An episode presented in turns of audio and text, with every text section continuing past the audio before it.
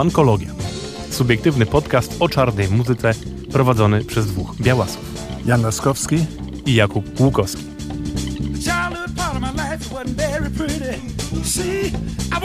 Czyli różne pokolenia, różne narodowości, różne doświadczenia, ale jedna wspólna rzecz. Miłość do muzyki afroamerykańskiej. Soulu, funku, bluesa, jazzu, gospel, rytm bluesa i jeszcze dziesiątek innych odmian i wariacji.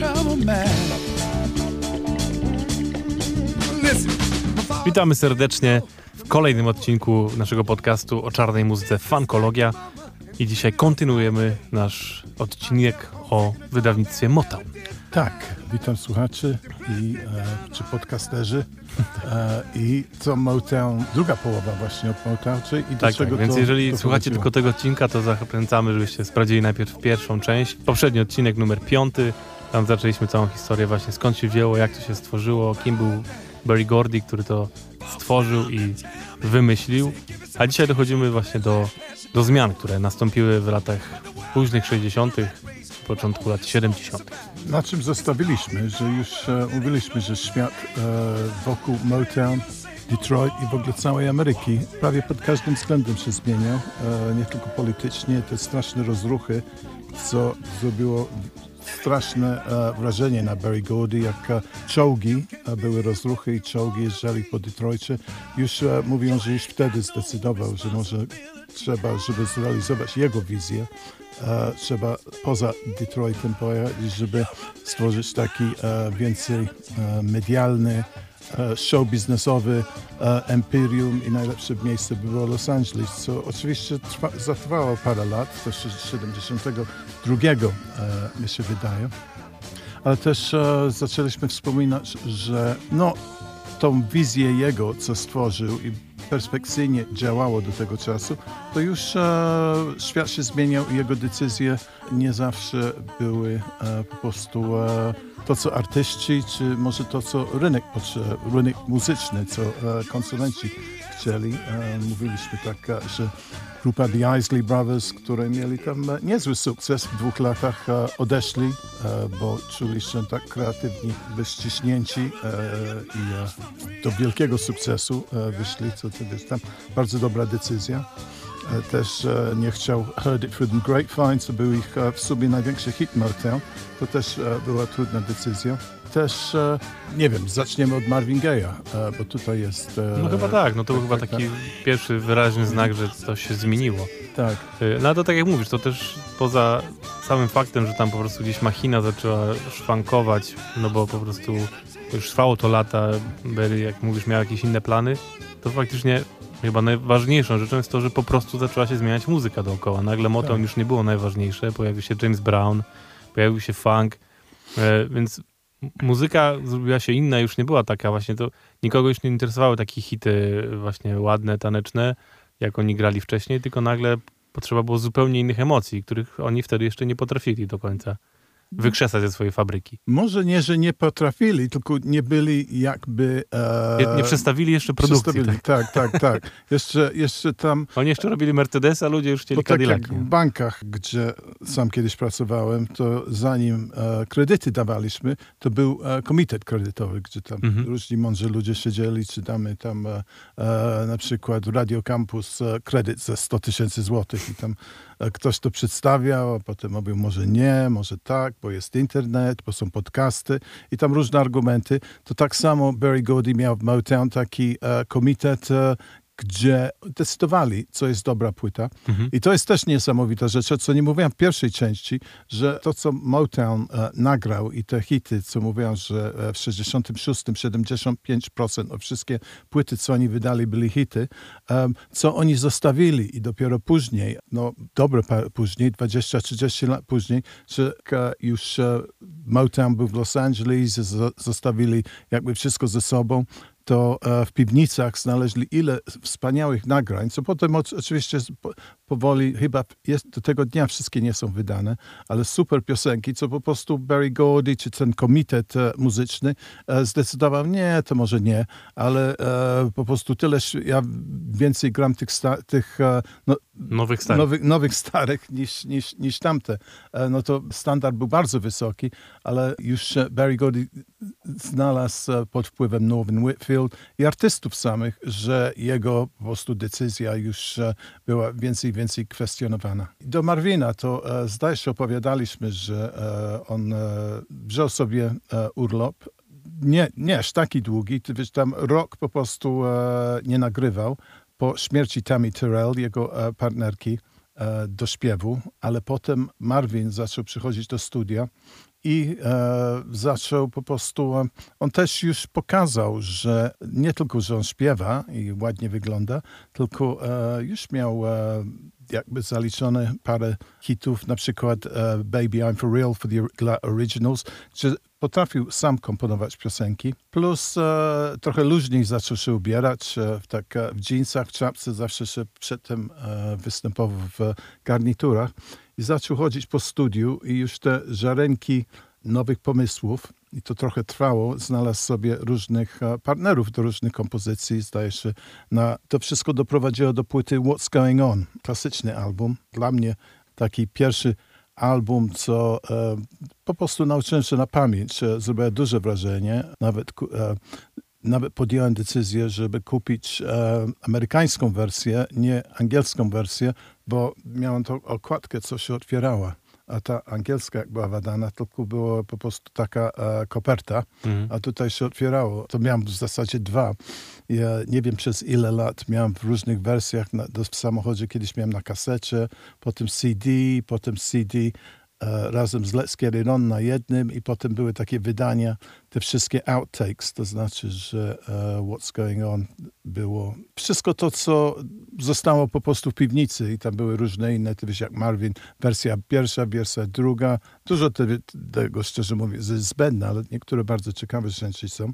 I Marvin stworzył właśnie ten album, uh, ile to było? Pięć, czy, nie, nie, osiem, osiem piosenek zdaje się e, trzy na jednej, e, sześć na drugiej, no to ile to jest trzy i sześć, jest dziewięć piosenek. To było nie ten e, Motownowy pop, tylko e, śpiewał o wojnie w Wietnamie, o ekologii, e, o duchowości.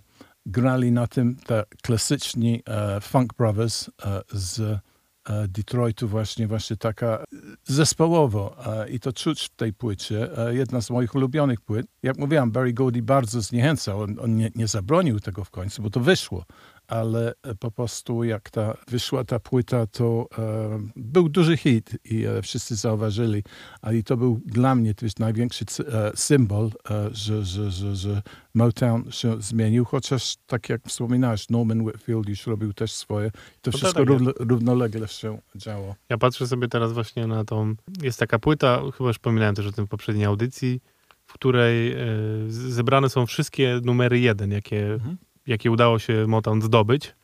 I to jest aż 9 y, godzin muzyki, słuchajcie.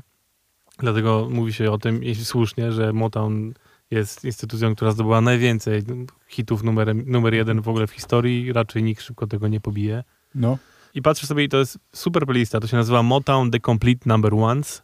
Znajdziecie sobie to chociażby na Spotify'u i tu są po prostu po kolei wszystkie piosenki, jakie zdobywały pierwsze miejsce. I można sobie zobaczyć właśnie, jak ta muzyka się zmienia, chociażby przez to, jak artyści się oczywiście zmieniają. Tak, roku do roku, no. I tak sobie i patrz, patrzyłem właśnie, gdzie jest What's Going On i one dopiero na czwartej płycie, ale już przed tym pojawiło się trochę takich rzeczy, niedużo, ale mhm. już, już za, zapowiadających zmianę. No przede wszystkim był Edwin Starr, jego piosenka War już On, była wcześniej. Właśnie, tak. e, był, już, Whitfield. był już no. Stevie Wonder z Signed, Sealed, Delivered, był już Tempt The Temptations Ball of Confusion, mhm. więc ten nowy kierunek już się tam zaczął pojawiać, jaki Marvin w tym wszystkim pojawił. E, no już The Jackson 5 mieli swoje hity wtedy, mhm. więc to nie... Z jednej strony ta, ten, ten album i cała ta piosenka od Going On jest no, tak inna po prostu w kontekście całego mm. Motown, że faktycznie ona no, zszokowała wszystkich po prostu, że ta wytwórnia może nagle nagrać coś takiego. I myślę, że to jest jakby ta jej siła, która sprawiła, że to jest taki moment I, zwrotny. I powinniśmy to zagrać chyba, nie? O, zdecydowanie, tak. Aha.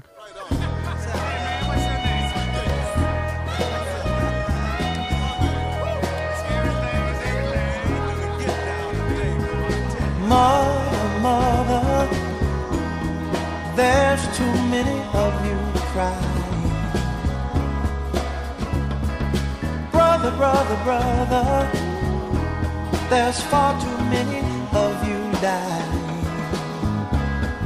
You know we've got to find a way to bring some loving here today. Yeah. Father, Father, we don't need to escalate. You see, war is not the answer, for only love can conquer hate. You know we've got to find a way to bring some love and loving here today. Oh, picket lines and picket signs. Don't punish me with brutality. Talk to me so you can see oh, what's going.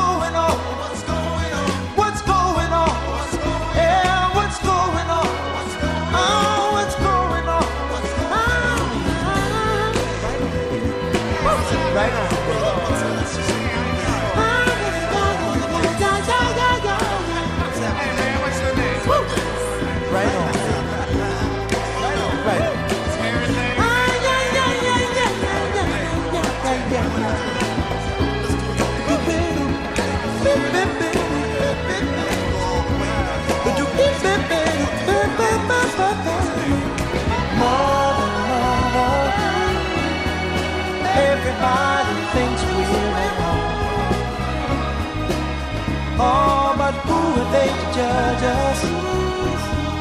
Simply cause our hair is long. Oh, you know we've got to find. Bring some understanding here today. Oh, oh, oh. picket line and picket signs.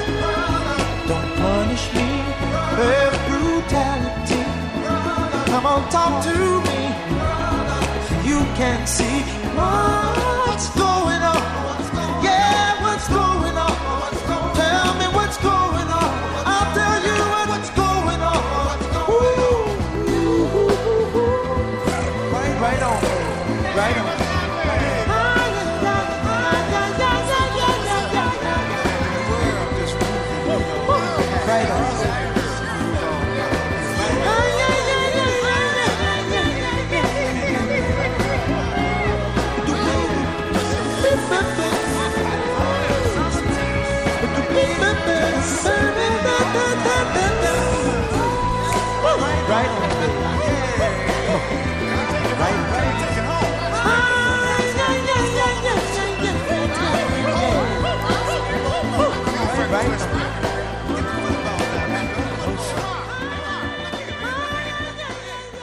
Właśnie, e, War, co mówiłaś, Edwin Starr i e, Temptations, to e, definitywnie no, Norman Whitfield. E, Norman Whitfield, bo już wspominaliśmy, no to on był od Motown bardzo długo i już, już był e, szanowany jako kompozytor i producent. Wziął sobie partnera na dużo kompozycji, Barrett Strong.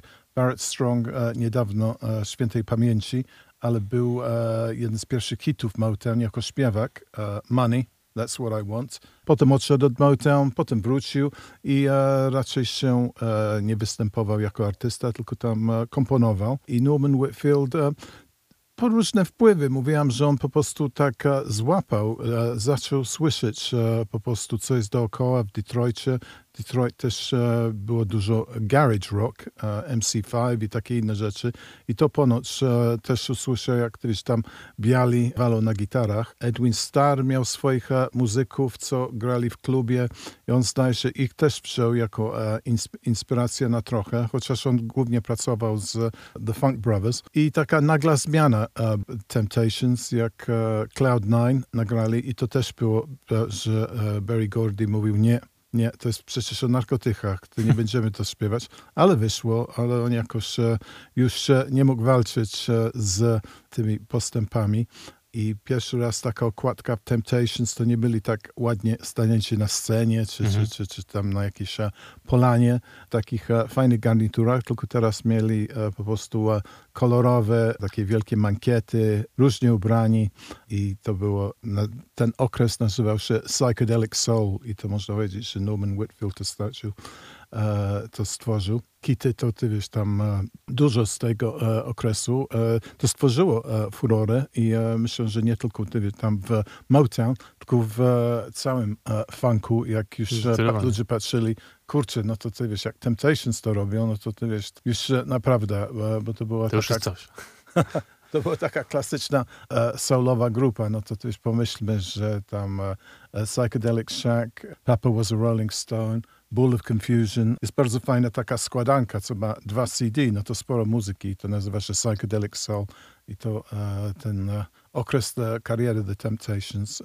Tutaj też ciekawe było, że te dwa główne śpiewacy w tym okresie, jeden trochę przed, David Ruffin i potem Eddie Kendricks, co śpiewali na tych klasycznych e, Temptations nagranie z wczesnych e, lat szy- 60., to oni powie, powiele, Eddie Kendricks jeszcze trochę został, tylko oni poszli, żeby e, solo śpiewać, tam przyszedł na ich miejsce Dennis Edwards, raczej już e, że miał takie uczucie, jak przychodził każdy nowy album The Temptations, to wszystko było klarowne, że ty wiesz, Temptations, ty wiesz tam w literach, że to jest ich płyta, ale że nawet e, Norman Whitfield zaczął swoje obrazki dawać, że to jest naprawdę, to jest tam wymysł, Temptations śpiewałem wymysły Norm, Nor- Norm, Norman Whitfielda, jego kompozycje, jego produkcje.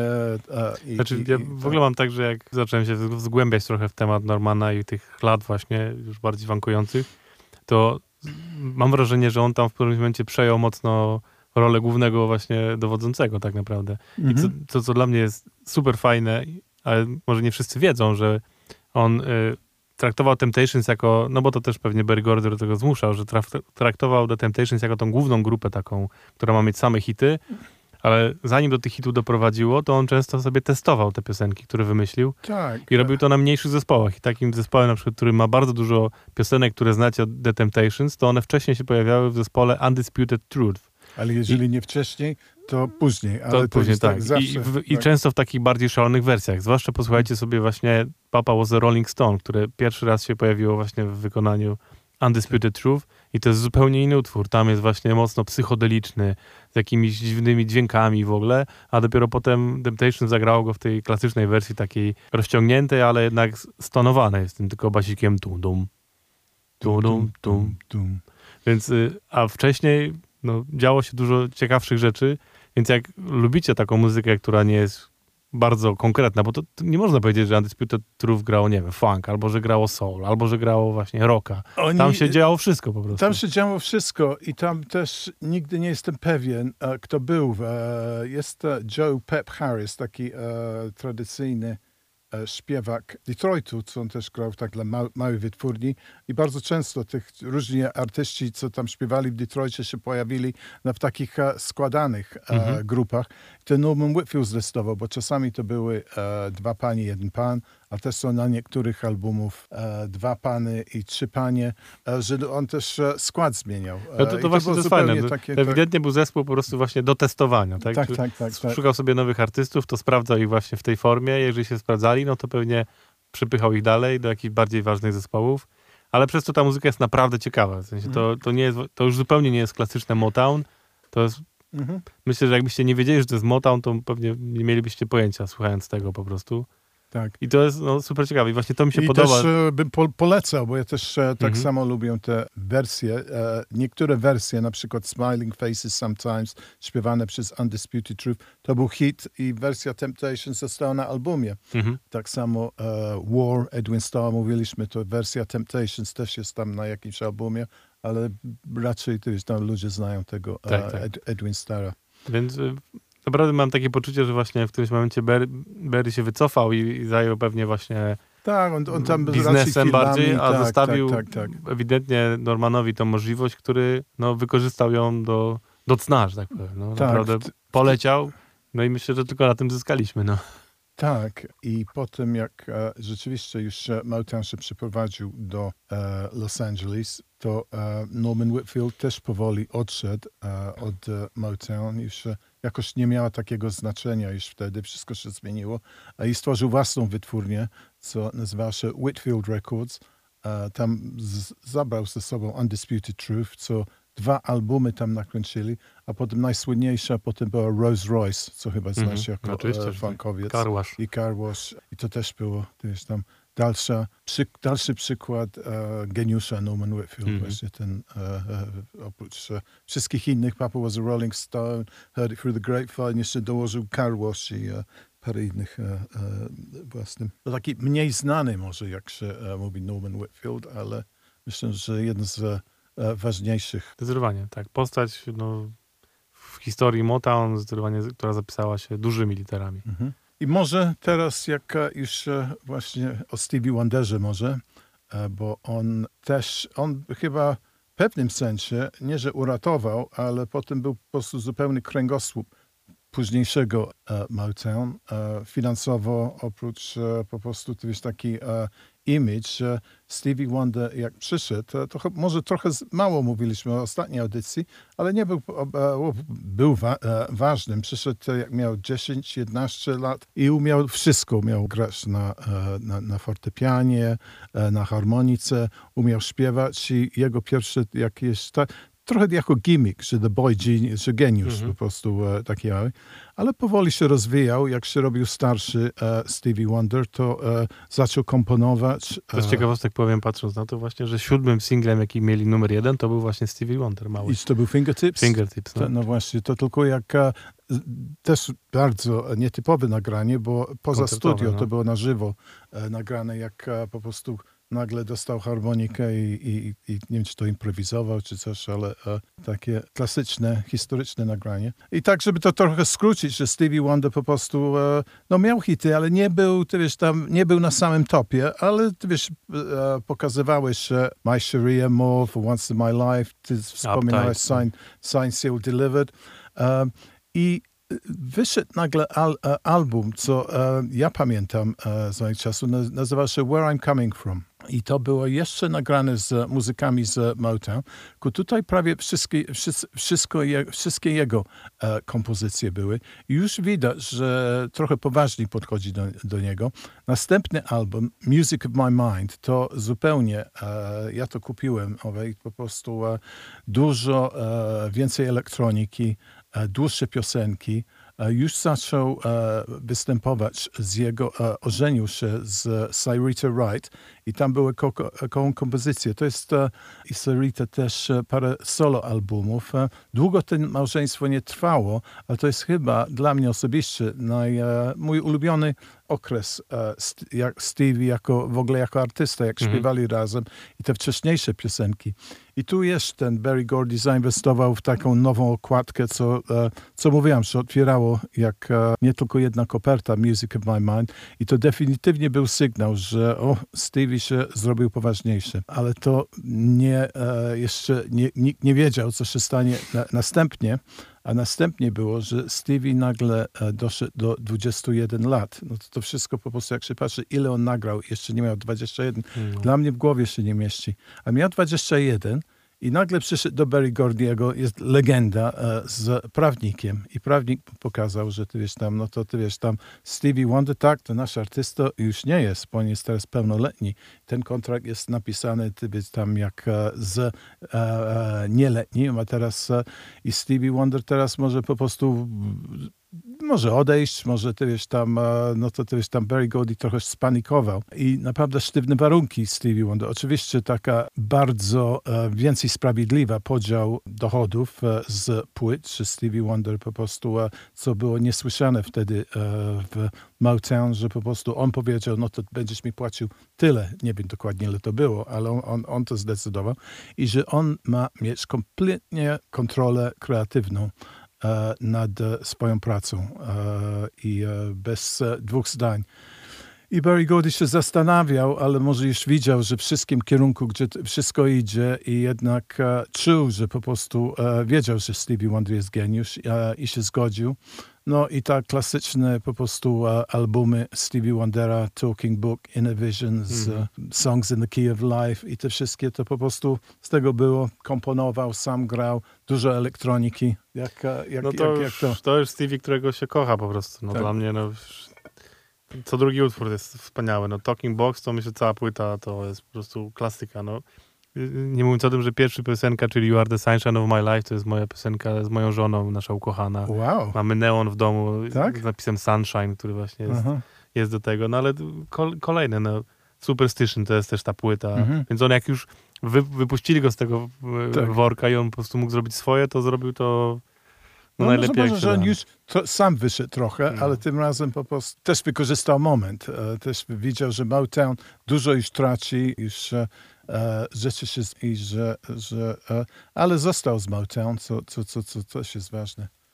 I koło może teraz e, parę tych artystów, co ja mniej znam, tam e, mówiłaś, jak e, Motown szedł dalej, chyba też... Że może zagramy w takim razie Stevie'ego najpierw jeszcze, No właśnie. skoro o nim tyle gadamy. Mhm. Tylko właśnie, tyle co tu jest- zagrać, bo jest tyle do wyboru. No, no. Może to jest rzeczywiście Stalking Book, bo to jest tak symbolicznie. Niekoniecznie Superstition, bo to chyba, To chyba za każdy dużo zna, w moim tak, tak. życiu to słyszałem tą piosenkę. Hmm. No dobra, zagrajmy You Are the Sunshine of My Life. No, to jest to piękna pewnie. piosenka po No, prostu. no, i tyle, no.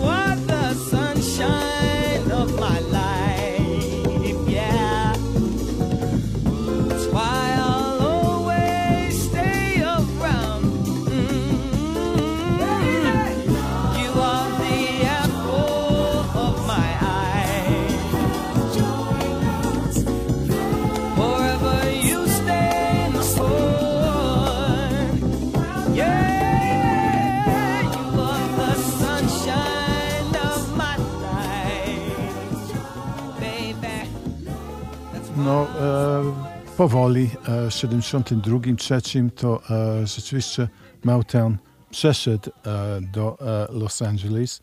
Były trochę smutnych opowieści, że te fantastyczni Funk Brothers, ci e, nie występująco jako gwiazdy, ale solidnie siedzieli w tym studiu przy, e, przez e, więcej niż 10 lat. Ten podkład do tyle wielkiej muzyki, że nagle przyszli, e, była taka historia, e, że niektórzy przyszli jednego dnia, już nie było biura, ale zostali większość ich e, w Detroicie i tam jakąś tam pracę znajdowali, bo tam e, inna muzyka, Holland Ozzy Holland jeszcze miał swoją operację. Norman Whitfield potem ich e, brał do e, własnej wytwórni. I tak jak wspominałem, Motown po prostu został konglomerat, albo miał ambicje, żeby być konglomerat.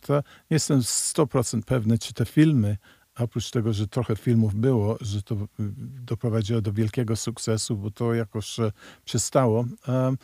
I em, całkiem dużo fajnych, fajnej muzyki kontynuowali e, robić, ale to tak jak e, Kuba mówił chyba, że po prostu e, to było tak jak wszyscy inni, zależeli, ty wiesz, tam od e, kogo mogli znaleźć do, do produkcji, czy, Mhm. czy tam znajdowali się różni producenci w Motown. Van McCoy, taki słynny z David Ruffin, bracia Mizell, co tam jazz funk robili. Nie było tej rodzinny, rodzi, rodzinnej firmy i nie było tego, no ten production line. Ale nie mówiąc, że e, jeszcze wielkie rzeczy nie, nie, nie przyszli. Na przykład No przede wszystkim, wiesz, no to już nie była wytwórnia, która tworzyła nowe trendy, bo tak można powiedzieć o tych, co, oni, co się działo w latach 60., to oni pokazywali, jak się gra teraz muzykę i wszyscy szli za nimi, a tu się trochę odwróciły role. Teraz nagle inni artyści byli na topie i Motown po prostu próbował nadążyć za tym wszystkim. Robiąc cały czas świetne rzeczy, ale to jednak już nie było tak, że Motown coś robił i wszyscy robili, o, to tak trzeba robić. No może poza wyjątkiem właśnie Stevie'ego Wondera czy, czy What's Going On, e, to były takie powiedzmy y, jedyne rzeczy, co zostały i faktycznie były wyjątkowe. A reszta, no to są rzeczy gdzieś tam, gdzieś tam wtórne, ale mimo to super. No ja na przykład uwielbiam Commodores, mhm. e, czyli zespół, w którym zaczynał Lionel Richie, który właśnie pojawił się w, w Motown. No i to jest świetne. Te pierwsze ich trzy płyty to jest, są po prostu, to jest przepiękny, gruby funk, taki naprawdę rewelacyjny. Ale potem zaczęło się robić z tego balady, bo się okazało, że ludzie o tego potrzebują, najbardziej się interesują. Jak stworzyli Easy, piosenkę, którą też chyba wszyscy znają, to ona była największym hitem Commodores, chyba takim pierwszym, Mhm. na którym się mocno wybili.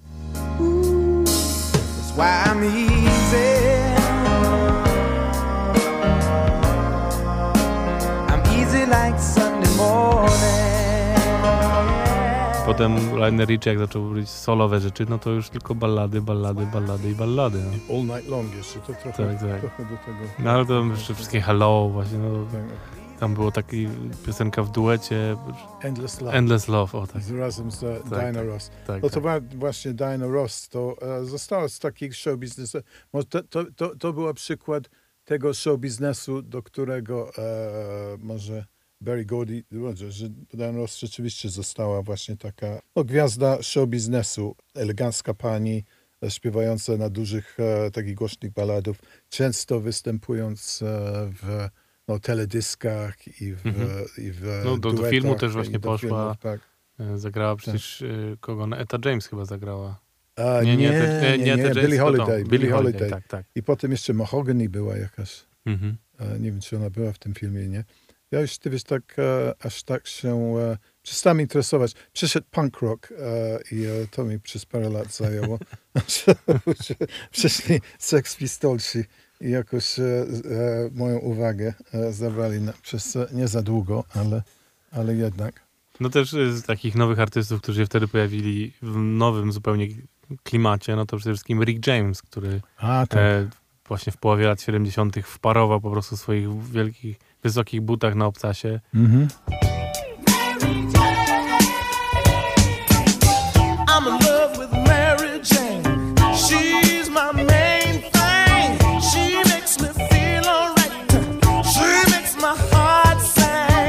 No i kto by pomyślał, że w Motown, w którym wszyscy byli piękni w garniturach i ładnie śpiewający, pojawia się facet, który Tak. ma na scenie gigantyczne e, papierosy, Mhm.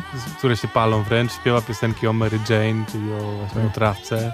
No wygląda dziwnie, można by powiedzieć. Zachowuje się dziwnie. Zachowuje nawet, się dziwnie, nawet tak. dziwnie. I to jest obecnie, Tak, tak, tak. i w którymś momencie to była jedna z największych gwiazd Motown. No, No ja bezdyskusyjnie. e, osobiście jestem fanem Rick Jamesem e, więcej niż Prince'a, ale to, to był mam Mhm. może nietypowy gust.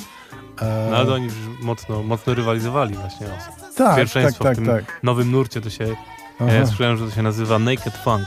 Mhm. Ten nurt taki właśnie, który robił Prince i Nie mówię, Rick James, i jakby cała otoczka ich dookoła. Że, tak, nie mówię, że e, Rick James był koniecznie więcej talentowany, ale jakoś e, jego e, styl e, miał. E, może też taki e, o tych e, dwóch śpiewakach, co wymieniałem przedtem, e, bo jeden z nich, co odeszli od Temptations i Motown tam się postarał, żeby po prostu ich stworzyć z gwiazd. Do pewnego stopnia się udało z Eddie Kendricks, który, ja bardzo lubię jego pierwsze płyty, tam Keep on Trucking, Mm. Girl I Need a Change of Mind.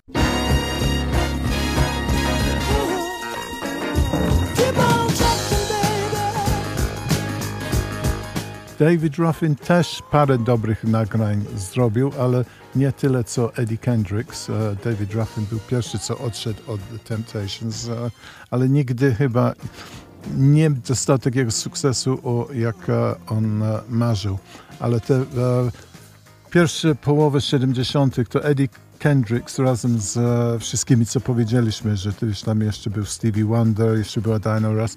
To był taki e, dość e, dobry podkład do takiego e, sukcesu, jeżeli można to tak nazwać. e, No i myślę, że 70. mało wspomnieliśmy o tym, że to jest stąd się wziął Michael Jackson w ogóle, nie? Tak, e, kurczę, jak... Jakoś nam to tak uciekło, ale faktycznie no Jackson 5 właśnie Tak. pojawili się wytwórni Motown. Tam były te ich pierwsze hity wielkie, ABC.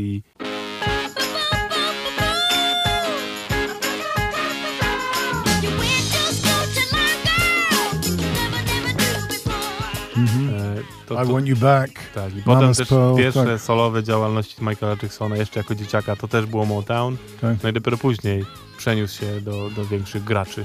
Tak, Tak, i tak. że Barry Gordy też im pozwolił e, uciec. E, to też nie, nie znam zupełnie historii, jak to było, ale na pewno się rozchodziło o kreatywną Na pewno. wolność i, Na pewno, na i pewno. jak się popatrzy, co, co to No też, no właśnie Jackson jak zaczynał u nich był faktycznie dzieciakiem, no miał tam to jest nie, Mhm. z 8 lat albo coś, Tak, a, a jak kończył tę swoją już nawet solową, to miał pewnie i 12 raptem albo coś, no więc to też mówimy o naprawdę małym dzieciaku, no i tam ten jego ojciec był przede wszystkim, tak.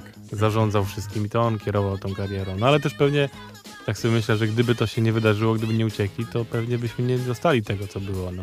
Pewnie Quincy Jones by tam się nie pojawił we współpracy i nie powstałby thriller ani cała reszta, no. To fakt, to fakt.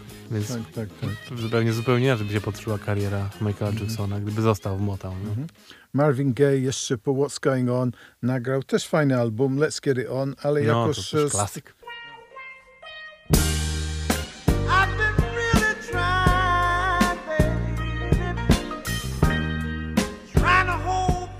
Klasyk, ale już e, wrócił do tych takich więcej e, starych tematów, no to Mhm. miłość kobiety, e, mężczyźni.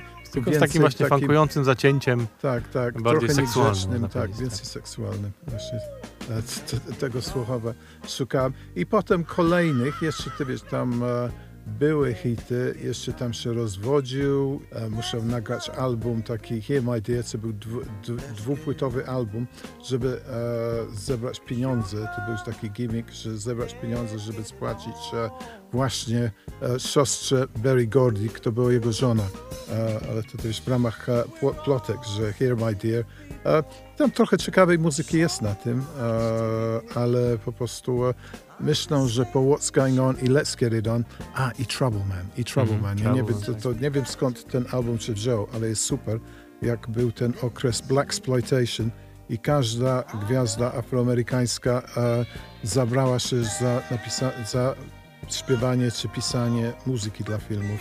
To ja myślę, że to będzie osobny program Black Tak, Exploitation. zdecydowanie, zdecydowanie. Zdecydowanie, tym zrobić. ale e, Marvin Gaye się też włączył w to, napisał, to jest, śpiewa na parę numerach, ale po prostu e, bardzo e, kreatywnie i ja e, zastanawiam się, dlaczego więcej takiej muzyki potem nie stworzył, ale no, zostawmy to może. E, e, właśnie ten Black Exploitation.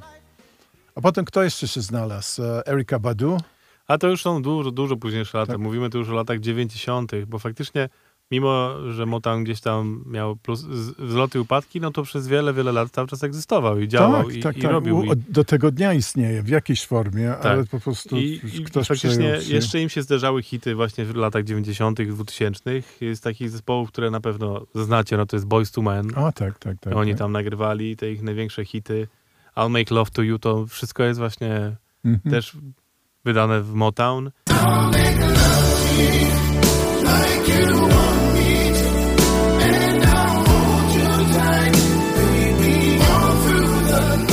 też przez chwilę Erika Badu, działała razem z nimi, też miała jeden hit, numer jeden, e, Big Lady. To, Mhm. to był, tak jak patrzę tutaj, to był chyba ostatni właśnie numer jeden, Mhm. jaki się trafił Motown, to była właśnie Erika Badu, więc Potem No. była jakaś Indie Ari, pamiętam. Też E, była, Tak, tak. tak, tak, co też e, miała hit The Motown. Więc naprawdę, no, zresztą patrzę sobie tutaj i Smokey Robinson jeszcze wydawał, miał Just to Say Here, Just to See Her To jest Mhm. jeden z utworów, który jego też jest jeszcze z lat Mhm. już dużo późniejszych właśnie. Tak, no, no, no to, to też e, zapominam, ale tak, Smokey nie znikł. Na początku ja, ja zawsze porównuję kariery Smokey Robinson i Curtis Mayfield. Jeden z Detroitu, jeden z Chicago, e, bo obydwa śpiewali jako grupy e, w swoich grupach, The Impressions i Smokey Robinson The Miracles i pisali dla innych. I Mhm. p- prawie równie, ale bym powiedział, że tutaj przewagę trochę ma Smokey Robinson w 60., że może ty wiesz tam więcej klasyków, więcej hitów e, i Curtis Mayfield nagle on się wziął za 70., odszedł, ale nie, nie opuścił e, swoją grupę e, The Impressions. Impressions nadal pisał dla nich, produkował, zatrudniał ich e, w swojej wytwórni Curtom, ale on po prostu muzyka filmowa, Black Exploitation, e, seria klasycznych e, solo albumów i Smokey trochę odpoczął. On miał dobry początek 70. i nawet mówili, że on stworzył taką nową genre muzyki Quiet Storm. To jest takie trochę, co ty powiedziałeś, seksualne, takie Mhm. smooth jazz po prostu, jak on e, właśnie Quiet Storm e, nazywał się ten album. A to nie I- słyszałem o tym. tak? No. O, Qu- Quiet Storm to właśnie super album. I Smokey Robinson, ale już mniej mniej pisał tych piosenek. E, jego wiesz, num, ostatni numer jeden w Wielkiej Brytanii, Being With You, chyba ktoś inny napisał. On się też przyprowadził do Los Angeles i tam e, też miał jakieś tam przygody e, z narkotykami, rozwiódł się i też nagrywał od czasu do czasu, ale jakoś stracił tą po prostu kreatywną, ten geniusz kreatywny, co go wiesz, tam pędził przez Mhm. lata 60., a Curtis Mayfield po prostu e, tego nie zrobił i e, w 70. No tak, po prostu... też gdyby nie wypadek, to też pewnie by dalej. no dalej właśnie, działał, no. właśnie, właśnie, właśnie. e, No to jest niestety dużo takich smutnych historii, że wielu tych artystów gdzieś ma jakieś wypadki, za wcześnie umiera, albo Marvin Albo Gaye, coś im się tak, dzieje tak, po tak, prostu tak, takiego, którego ojciec zastrzelił e, Tak. po, po, po, po, po e, jakichś tam e, kłótniach. tak, E, tak, jakiejś takiej bezsensownej kłótni. Mhm. Pamiętam, jak czytałem o tym. Znaczy, to ja jestem za, zadziwiony tym, że jeszcze nikt nie zrobił filmu właśnie o Marvinie Gayu.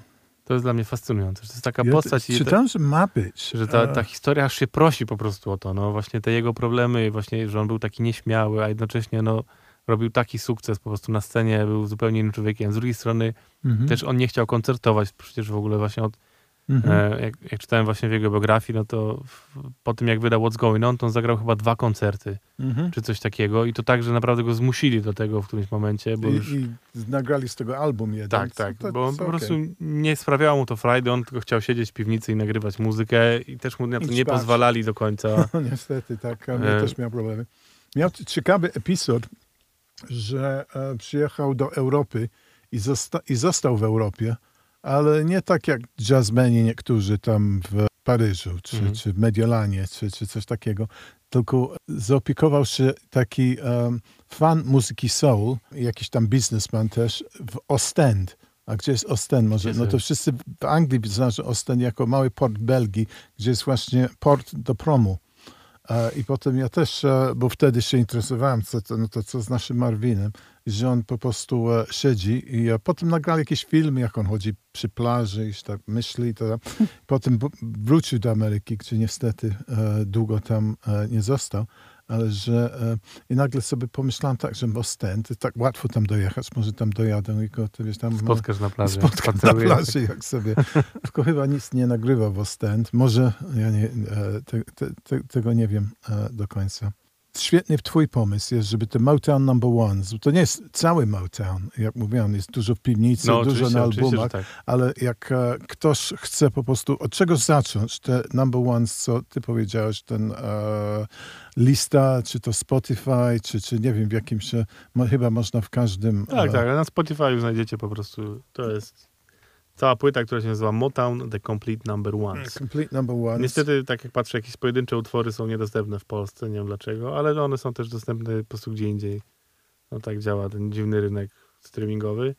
No ale mówię, no to jest 9 godzin muzyki, więc macie, macie co słuchać. No i to właśnie od samego początku do, do aż do Eryki Badu, więc poznacie naprawdę muzycznie całą historię te, tej Mhm. wytwórni. No.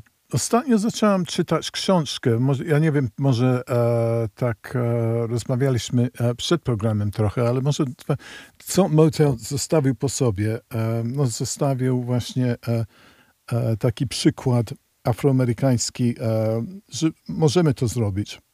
Nie aż tak kompromisująco, tylko może trochę jeszcze kompro- kompromisująco, gdzieś tam nasze gdzieś tam bluesowe korzenie, ale potrafimy stworzyć nową muzykę, co ja myślę, że było chyba najważniejsze w latach 60. W 70. już mówimy, świat się zmienił, już ta e, segregacja i te dużo, no, nowe Ale problemy. też właśnie to, ta, ta idea, o której teraz wspomniałeś, ona jakby nadal działała, bo myślę sobie o Jamesie Brownie, Mhm. który dokładnie miał takie samo podejście do tego, że on ma mieć swój własny biznes, on ma mieć swoje własne firmy, będzie Tak. zatrudniał tylko czarnych i jakby Mhm. chce pokazywać właśnie swoim Tak. rodakom, że czarny może mieć własny biznes, może zarabiać pieniądze, może mu się powodzić Mhm. i, i tym bardziej może wspierać innych czarnych. I to, to jest myślę idea, którą też wyciągnął pewnie patrząc właśnie na sukces Motown, Tak, będąc tak, tak, młodym tak. dzieciakiem właśnie, jeszcze siedzącym w pierdlu do tego. Mhm. No, e, ten przykład, ta super muzyka, co na tej playliście, zacznijcie e, od tego, jak się podoba. To jest wiele innych, możecie tam e, napisać e, do nas albo do mnie przez audycję Sunday Soul, Soul Seller co niedzielę, 19 Radio Campus. To tam gramy takie rzeczy. Indywidualnie, no to to wielki gwiazda, chyba jedna z czołowych popularnej muzyce z tego wszystkiego. Stevie Wonder, Diana Ross też wielka gwiazda, Lionel Richie jeszcze, je, je, jeszcze tam jest. Z Temptations tylko jeden żyje i e, wydali bardzo ciekawy, nie, nie do końca w mojej guście, ale parę bardzo fajnych piosenek. E, e, Otis, kurczę, teraz mi poszło, jak się nazywa, Temptation 60, no to wszyscy i dużo muzyków, co już nie żyje, ale bardzo długo kontynuowali swoje kariery od, w innych wytwórniach, tylko potem dla oldies shows, że po prostu kontynuowali, bo te e, 10 s- lat 60. to po prostu jak się wbiło e, w klasy, muzyce kla, klasy, klasyka muzyki popularnej i e, mogli z tego po prostu śpiewać e, do Mhm. końca życia. A taki mały ciekawy wątek, co, co, co, co, co powiedziałem, że w latach 70. coś ciekawego się stało, że w, now, w Nowym Jorku, bo to chyba tam się wszystko zaczęło, geje, ludzie miasta, e, trochę tam e, po prostu kolorowi ludzie, e, artyści, zaczęli się spo, spotykać, w, sami organizowali bardzo często w jakiejś sali i tańczyć razem. To nie jest, że to po prostu tańczenie, czy, czy, czy, czy takie hale do tańca nowego, tylko to trochę inaczej było zorganizowane, że się spotykali zaczęli po prostu e, grać taką mu muzykę z e, dużo kierunków, ale zaczynając od tego, że dużo tego było muzyka afroamerykańska do, tańc, do tańca. I tutaj przełomowe lat 70., na przykład Eddie Kendricks, Girl, I Have a Change, change of Mind, Papa was a Rolling Stone, e, też e, z e, Philadelphia International, te pierwsze hity Philadelphia International, też zupełnie z innych kierunków, z Afryki, Soul Makosa, był taki hit. Takie playlisty się tworzyli e, i tutaj ta kultura dyskotekowa. E, I tutaj zaczęli się robić nie gwiazdy, po prostu jakiś prezenter w radiu, bo to też było w afroamerykańskiej muzyce e, bardzo ważne, że wiesz, tam różne rejony mieli swoich e, radiowców, e, tak jak w Warszawie mamy Radio Mhm. Campus, to e, i, i, i ja, jeżeli on grał tą płytę, to, to wiesz, tam pomagało, żeby być hit. A te dyskoteki zaczęły po prostu e, e, na tym przykładzie rosnąć i e, ci DJ-e szukali nowej muzyki. Ta nowa muzyka zaczęła się tworzyć dla nich. Bardzo często na przykład e, jeden z pierwszych to był Win Place Show e, przez Intruders, a oni akurat z Filadelfii, ale było też A Date with the Rain Eddie Kendricks, a te to były w tradycyjnej e, formacie, że tylko mieli 2,5 minuty, a jak już ludzie byli na parkiecie, już e, tam pod wpływem, e, nie wiem, na, dobrze napicie albo tam e, dużo kokainy się e, wtedy, zdaje się, zaczęło pojawiać, że, chcieli po prostu dłuższe numery i rynek się dos, za, za, zaczynał e, dostosować do nich. I tu być, no powiedzieć, że e, ta e, kultura muzyki klubowej, e, ja to bym powiedział, Mhm. że to był też tam, można różne argumenty, że to jest tam Northern Soul w Wielkiej Brytanii, co trochę inne było, ale tutaj to więcej nowocześniej było właśnie te nowojorskie dyskoteki, już bardzo dużo tam różnych właścicieli czy promoterzy widzieli, że po prostu, ty wiesz co, no to tam się płaciło wtedy 50 dolarów DJ-owi. Masz sobie tam jakąś stodołę czy, czy, czy, czy e, większą salę, powieszy się właśnie taką kulę z lustrami. Nie było też takich, e, aż, aż, aż tyle, tak? i wpuszcza się ludzi i dyskoteki. I już e, w ciągu parę lat już były e, dosłownie tysiące dyskotek po całej Ameryce. E, muzyka się zmienia, dużo, dużo gwiazd muzyki soul się zgubiło w tym nowym rynku. Tak. Musieli po prostu czasami z jakimś sukcesem, czasami zupełnie nie udało się. I śpiewacy już e, byli może trochę mniej. E, Płyta była najważniejsza. E, Muzyka też szła, czy, czy, czy pokazała, DJ zagrał, albo ludzie tańczyli, albo schodzili z parkietu. I to nie było ważne, czy to grał Jerry Butler, czy Marvin Gaye, czy, czy Diana Ross. Bardzo dużo nowych. Potem zaczęły nowe wątki muzyki dyskotekowej, z elektroniki, z Europy, Badziewa bym powiedział. Ten film e, dużo też, e, dużo klasyki, dużo Badziewy. Jestem bardzo też mieszany. Bardzo dużo super funku. Funk był e, tej pierwszej ery dyskotekowej. Tak, Ty tak, wiesz, tak. tam BT, e, Express i, i ci inni, Mandrill, to byli e, wielcy No, gwiazdy. nawet ci, co już wcześniej byli, właśnie The Ashley Brothers też Tak, tak, wtedy tak, świetną muzykę. E, The Cool and the Gang, który też stał się nagle właśnie Mhm. bardziej w disco, czy Earth, Wind and Fire. No, mnóstwo świetnych kapel Mhm. przyjęło, że tak powiem, na klatę tą nową muzykę, ale też zrobili to po swojemu, to jest super. Tak, tak, tak, tak, tak, tak, tak. No nie wszystkim się udało oczywiście. James Brown, jak próbował grać disco, to to jest jedna wielka porażka niestety. Trochę, trochę przykre to było, tak. Muszą. A, e, muszą, muszą bo, bo, bo, bo, bo rynek tego, tego było i ludzie... E, I Saturday Night Fever oczywiście, Mhm. ten e, e, wielki film, e, o nie wielki film w takim artystycznym sensie, ale, e, Ale wielki kultowy, komercyjny, tak, tak, kultowy. E, plus The Bee Gees, który ja pamiętam, ty wiesz, tam w Anglii to w 60 coś tam, to takie raczej popowe i nagle najwięcej artyści, najwięksi artyści przez jakiś okres, te, ten album Saturday Night Fever to był przed Michael Jacksonem chyba najwięcej sprzedawany i potem Fleetwood Mac chyba e, Mhm. jakby numerowo album e, wszechczasów. E, to, Tak. to, to, I to właśnie była ta przewaga i to przetrwało ten e, kult dyskotykowy, co też możemy też e, program zrobić o nim e, jednego dnia, ale to wiesz, tam aż była antyreakcja, już za dużo tego było i znowu się zmieniło, ale tam w podziemiach te dyskoteki zostały, jeszcze funk został i Mhm. e, No to też, wiesz, to myślę sobie strasznie wpłynęło ekonomicznie na artystów, no bo wcześniej po prostu w klubach przyjeżdżał zespół i grał koncert, jakby, mhm. żeby ludzie się mogli bawić, no. Tak. A teraz się okazało, że po co płacić całemu wielkiemu zespołowi, skoro wystarczy DJ tak, i parę płyt. tak, tak. I to kosztuje dużo mniej pieniędzy, 50 więc, dolców, tak, więc tak, nagle tak. po prostu I on sam te płyty przynosi, bo, Dokładnie. bo zbierają i, i kolekcjonują. Więc tak, mnóstwo tak, tak. artystów, muzyków po prostu z dnia na dzień prawie straciło pracę, no, w Mhm. taką stałą, tak? Wiadomo, że jak Albo jesteś gwiazdą, no to do koncerty są... mniejszego rynku. Tak. Już nie mieli dostęp do masowej publiczności, ale tam e, ci tam bluesowi zostali, ty wiesz, tam na południu, już e, Mhm. tam nie znajdowali się w głównej liście przybojów, ale przetrwali. Był ty wiesz, tam, No to jest takie coś, co dzisiaj mam. Szkoda mi tego, w sensie szkoda mi właśnie, że nie miałem okazji nigdy poznać tych czasów, kiedy po prostu się szło do, na dyskotekę i tam był zespół, a nie DJ. No. mhm. Jak sobie myślę, Boże, jak, zupełnie inaczej taka dyskoteka w ogóle wyglądała, jak się inaczej bawił człowiek jednak z muzyką na żywo, z Mhm. muzykami, niż no po Tak. prostu do kolejnej tej samej piosenki, która brzmi identycznie za każdym razem. Nie? Dużo e, jest. E, ja lubię te stare plakaty, co tam bardzo łatwo to w Google rzucić. Tam e, na przykład e, Temptations Concert i potem nagle pla plakat i po prostu ile artystów na jednej chyba tylko grali tam z 10-15 minut Mhm. niektórzy, a może to już tam headlinerzy, może to już tam z 45 minut, ale tam widzisz tam Jackie Wilson, Temptations, Marvin Gaye, e, The OJs i to wszystko w na, w jednym, e, na jednym wieczorze, e, No. w jednym tym.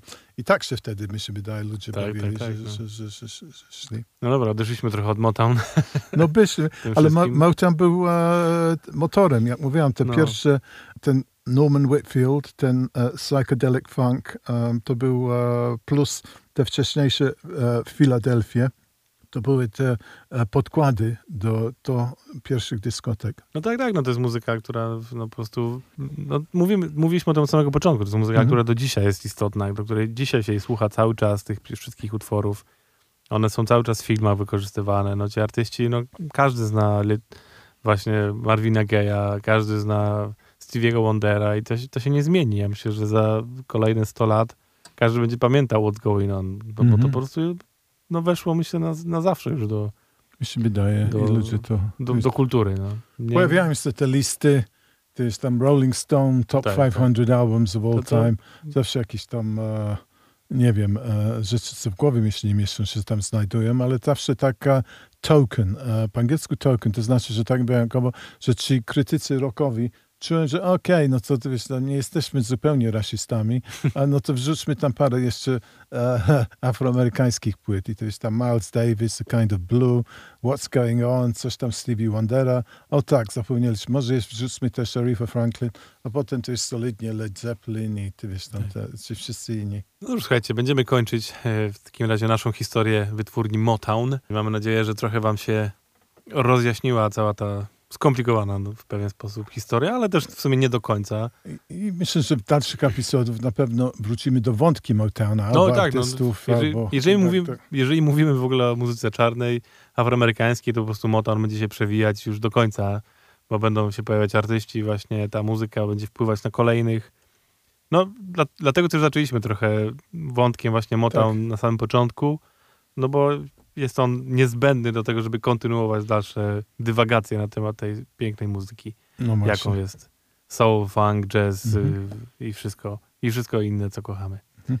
Co byśmy zagrali na końcu, Janie? Jakbyś zakończył temat No, Motown. mieliśmy Stevie Wonder, mieliśmy What's Going On, może coś, e, czy Papa was a Rolling Stone, coś właśnie Whitfieldowskie Temptations, Psychedelic Soul. No to pytanie, czy gramy Papa Was a Rolling Stone wersji Temptation, czy wersji Undisputed Truth, czyli tej pierwszej. Ty zdecyduj. Niech to będzie niespodzianka, jak ja Dobra. odsłucham podcastu.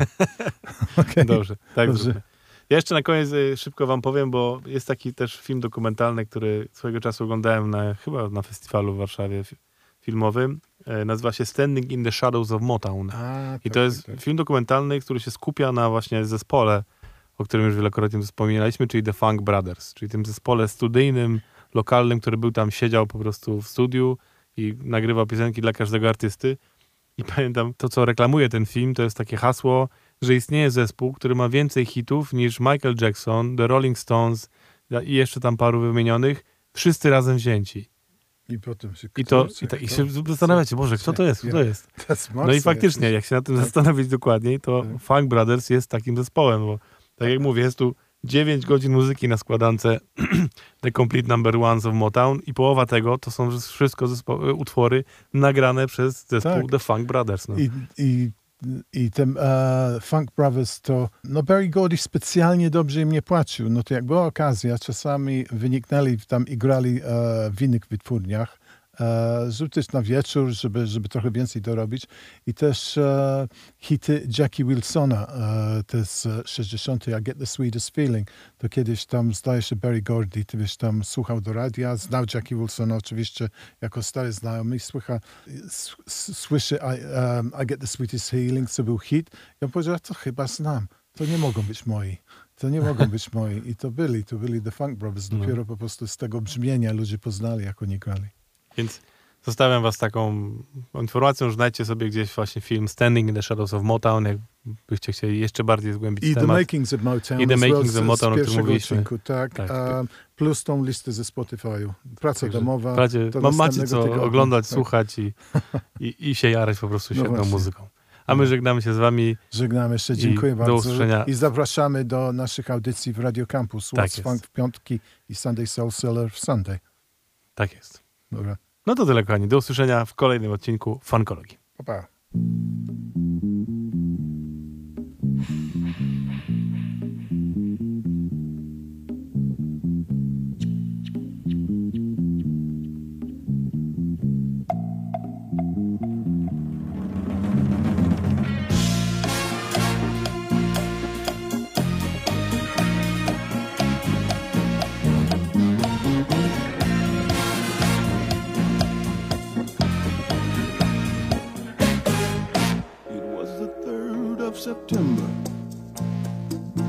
That day I'll always remember. Yes, I will. Cause that was the day that my daddy died. Papa died when we was there young. I never got a chance to see him. I never heard nothing but bad things about him.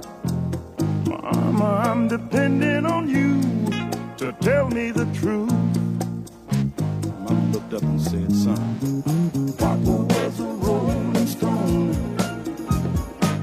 Wherever he laid his hat was his home. And when he died, Oh, he left us was alone. hey mama, is it true what they say that Papa never worked a day in his life?